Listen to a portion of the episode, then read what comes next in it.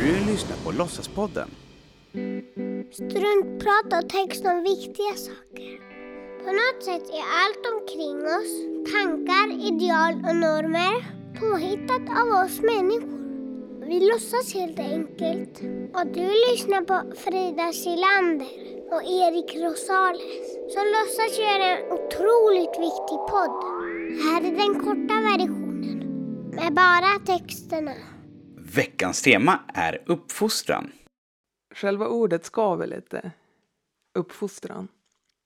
Det klingar strängt. Det känns eh, lite kravfyllt och instängt. Tänk om vi istället skulle prata om handledning. För visst handlar det om att lära en annan människa att tänka själv. Att hjälpa och uppmuntra den att hitta sig själv. Ge barnen kärlek, mera kärlek och ännu mera kärlek så kommer folkvettet av sig själv. Så sa Astrid Lindgren. Det är också det min mamma pratar om när jag frågar henne om uppfostran. Att man kan aldrig ge för mycket kärlek. Och det gäller väl allt. När du ger någon eller något kärlek så växer det, blommar det, sprudlar det. Glöm inte dig själv och ditt inre barn. Glöm inte människorna som är runt omkring dig. Både de små och de stora. För vi handleder varandra. Vi uppfostrar varandra hela tiden. Allihop. Vi härmas och tar efter. Gör som vi ser att andra gör. Jag vet att hur jag pratar och rör mig förändrats genom åren. Beroende på vilka jag umgåtts med. En gång spelade jag i ett rockband och efter ett tag såg vi alla ut som Neil Young.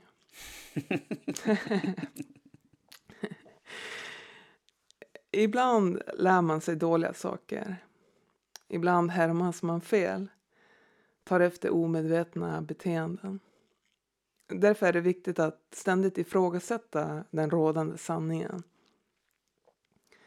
Uppfostran, det är det svåraste man ger sig in på, säger min pappa som uppfostrat mig och mina två syskon. Han säger, nu när jag är med mina barnbarn så vet jag nästan ingenting. Ju mer man lär sig om något, desto mer förunderligt blir det. Jag tror det är bra att vara ödmjuk inför livet och allt levande. Att det rör på sig, att vi är olika. Att i varje möte vara öppen och se individen som den är. Mina föräldrar har alltid uppmuntrat mig att följa mitt hjärta. De har alltid supportat mina drömmar, oavsett vilken dröm. De har skjutsat till fotbollsträningar, kollat på matcher, byggt ett mål på gården, skjutsat till rep, kollat på gig, sytt scenkläder. När jag började spela gitarr fick jag en superfin handbyggd Granström. De visade mig att det jag brann för var viktigt. Jag tror att det här är en av anledningarna till att jag lyckas livnära mig som musiker. Att de lärde mig att det går och att det är på riktigt. De eh, lärde mig att tänka själv.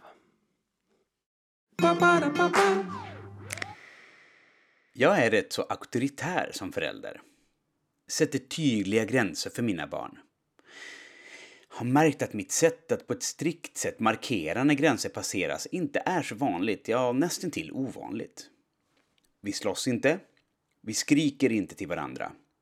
Vi retas inte. Vi talar till varandra med trevlig ton.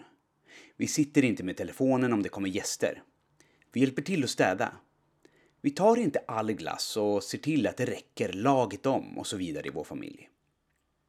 I min värld ganska enkla gränser. Sunt förnuft helt enkelt. För min del ser det lite som min plikt att se till att andra slipper vara de som blir tvungna att sätta gränser för mina barn. Lärare på skolan, kompisars föräldrar eller mannen på gatan ska slippa vara de första som säger ifrån till dem. Så blir det inte heller en otrevlig överraskning för barnen den dagen någon faktiskt säger ifrån. Med dessa regler följer dock en otrolig tillit. De har all frihet till lek, äventyr, vara med kompisar, sticka ut själva och upptäcka. Kort och gott, frihet under ansvar. Min slutgiltiga önskan är att de ska kunna föra sig bland folk och i samhället som välfungerande och väluppfostrade människor.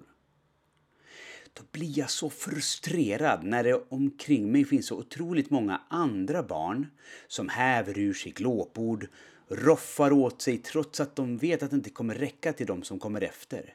Ständigt tar upp telefonen eller paddan så fort det inte är något underhållande som händer. Och som aldrig plockar undan eller städar efter sig. Helt enkelt låter andra plocka upp efter dem. Blir otroligt förnärmade om någon, någon slutligen säger ifrån och gnäller så fort det inte är optimalt, jättebäst, fantastiskt. Dessa arma barn jag tänker på är vi vuxna. Mm.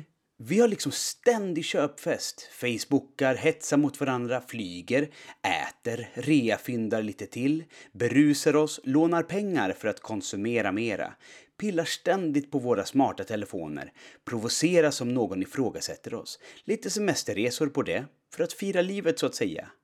Men i slutändan är det inte ens vår generation som kommer att städa upp efter oss. Det är ju våra barnbarn. Och helt ärligt så är denna ouppfostrade person jag. Men det kanske även skulle kunna vara du, så jag fortsätter säga vi.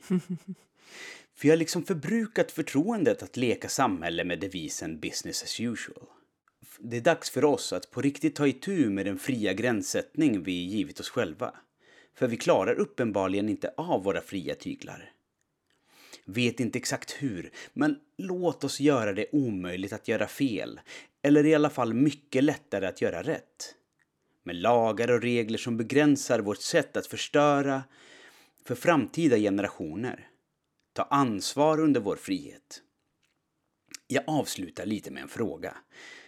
Jag har nämligen en sjukt stor fest i helgen. Eh, jag vet att du är lite upptagen och inte kan komma, men skulle du kunna vara så schysst att ta all disk och städning, tvätt av dukar, fixa lite med återvinningen efter kalaset? Alltså, det kanske inte är en fråga, eh, för så kommer det bli. losas, losas, poder, losas, losas, losas, poder, losas, losas, poder.